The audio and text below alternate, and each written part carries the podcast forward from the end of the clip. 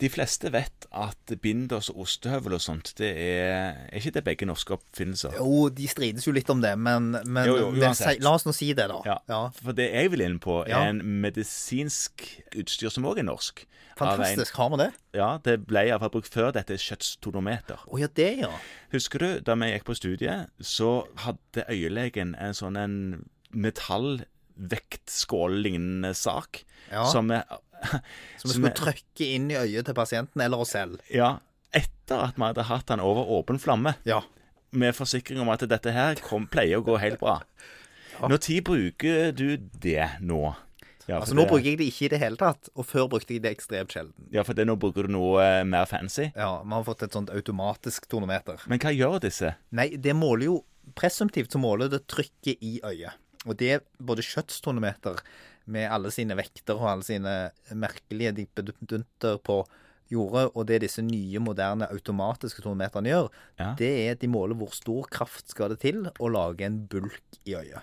Ja, u- altså en bulk på, på kornea. På hornhinnen. Ja. Hvor stort trykk, i- målt i millimeter eh, kvikksølv, som oftest, skal det til for å lage en bulk der. Det måler de. Og det gjør jo da at man tenker at øyet holdes jo oppe av et trykk. Det er et overtrykk i øyet som gjør at det er blåst ut som en, som en ball. Mm. Eh, og det bør være passe stort. Ja, akkurat passe Eh, stor. og, og hvis det blir for høyt, så kaller vi det jo for glaukom, eller høyt trykk på øyet. Eller grønn stær. Hvor den grønne stæren kommer fra, det vet jeg ikke. Det, Nei, nei, den kan men det jeg- skal være passe stort. Litt sånn Ole Brumm at den skal være passe, akkurat passe. Akkurat passe.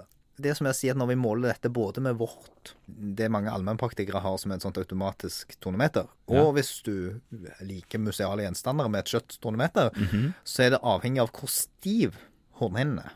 Hvis du har en veldig tykk og stiv hornhinne, så skal det nødvendigvis mer kraft til å bulke den enn hvis du har en tynn og flapsete hornhinne. Det er naturlig. Sånn at for å få en helt presis måling av trykket, så må du strengt tatt også ta med tykkelsen på hornhinnen i en beregning. Ja, nå er du fisefin på det, Christian. Vi skal snakke om høyt trykk i øyet. Ja, men det gjør øyeleger, og det er bare grunnen til at jeg vil si det at hvis du skal ha dette helt nøyaktig Men du kan utmerket godt bruke begge disse, helst det nye, til å måle trykk i øyet. Ja. Og det bør vi være liberale med å gjøre. ja, for dette høye trykket Folk kan Det er jo et forskjellige hva skal jeg si, forskjellige høye trykktilstander i øyet. Ja. Et sånt helt akutt hvor en kommer og har dritvondt, og det er en sånn eh, hastesak. Ja, Men det hvis vi- det bommer man jo sjelden på, fordi pasientene blir jo veldig misfornøyde hvis du forteller at dette skal du se litt an. Ja, ja, ikke sant? For det, for det vi vil snakke mer om nå, det er denne her eh, mer sånn langdryge Ja. Mm. høye trykket som man går med over tid. Ikke sant? Ja. Og det skader øyet. Det gjør at synet i periferien etter hvert forsvinner. Og problemet med det er jo ofte at det går sakte, sånn at man venner seg til det. Så at man blir stadig mer trangsynt og får mer tunnelsyn på livet, Ja. det merker man selv ikke så mye til. Nei, Det skal være ganske drastisk før man selv merker det. før man begynner å gå på dørkarmen og sånt. Ja, og det kan også være ensidig. Og da er det enda verre, for da kompenserer jo det andre øyet med sitt helt normale synsfelt for det. Ja, ja. Fordi at skarpsynet er på en måte det siste som ryker ved dette. Men man kan jo bli blind, og det er jo en av, på verdensbasis en av de vanligste årsakene til blindhet. Dette høye trykket. Og så finnes det gode medisiner for det, det skal vi ikke bruke mye tid på, men det er jo litt dumt å bli nærmest blind eller få svært innskrenka syn av en tilstand som er relativt sett enkel å behandle. Så finnes det eh, primære og sekundære. Den primære, da kommer den ofte ganske tidlig i livet. Altså allerede fra ungdomstiden av så begynner den å utvikle seg. Og den har nok en viss grad av en familiær overopphopning, sånn at hvis det er høyt trykk i øynene i familien, så bør man sjekke det. Og i og med at dette er en lett test å gjøre på kontoret, så tror jeg på en måte at vi er litt for tilbakeholdne med å gjøre det. Og kan godt følge det opp. Det er også mye vanligere blant folk fra Afrika og og Asia har høyere forekomst av dette enn enn kaukasere. Har de det, ja?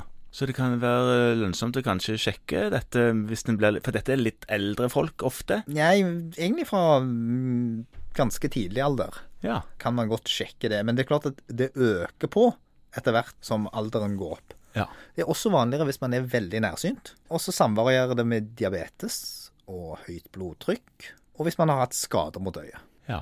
Og så er det alle disse her da som får steroidbehandling fra et eller annet. De har også økt risiko. Hjelpes oss, denne steroidebehandlingen, altså. Ja, det hjelper jo mot alt, men det gir jo også alle Det plager. maskerer jo alt, husker jeg vi lærte, bortsett fra døden. Ja, Det eh, stemmer.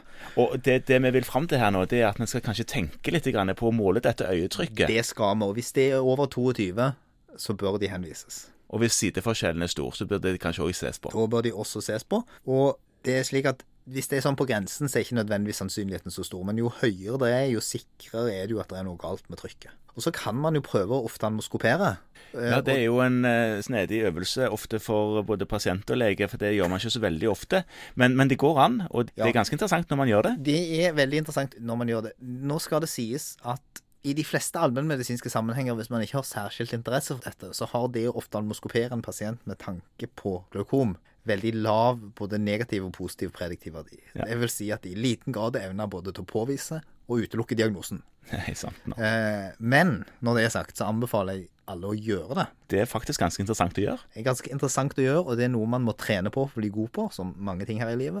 Og da finnes en del andre interessante tilstander i et øye som man godt kan se med oftalmoskopering i allmennpraksis. Ja. Som vi kan snakke om en annen gang, men som det å trene seg litt er veldig fornuftig. Men det koker ned til at man kan måle øyetrykket hyppigere kanskje enn det man allerede gjør. Det kan man godt gjøre kanskje en gang i året hos disse her som har høy risiko.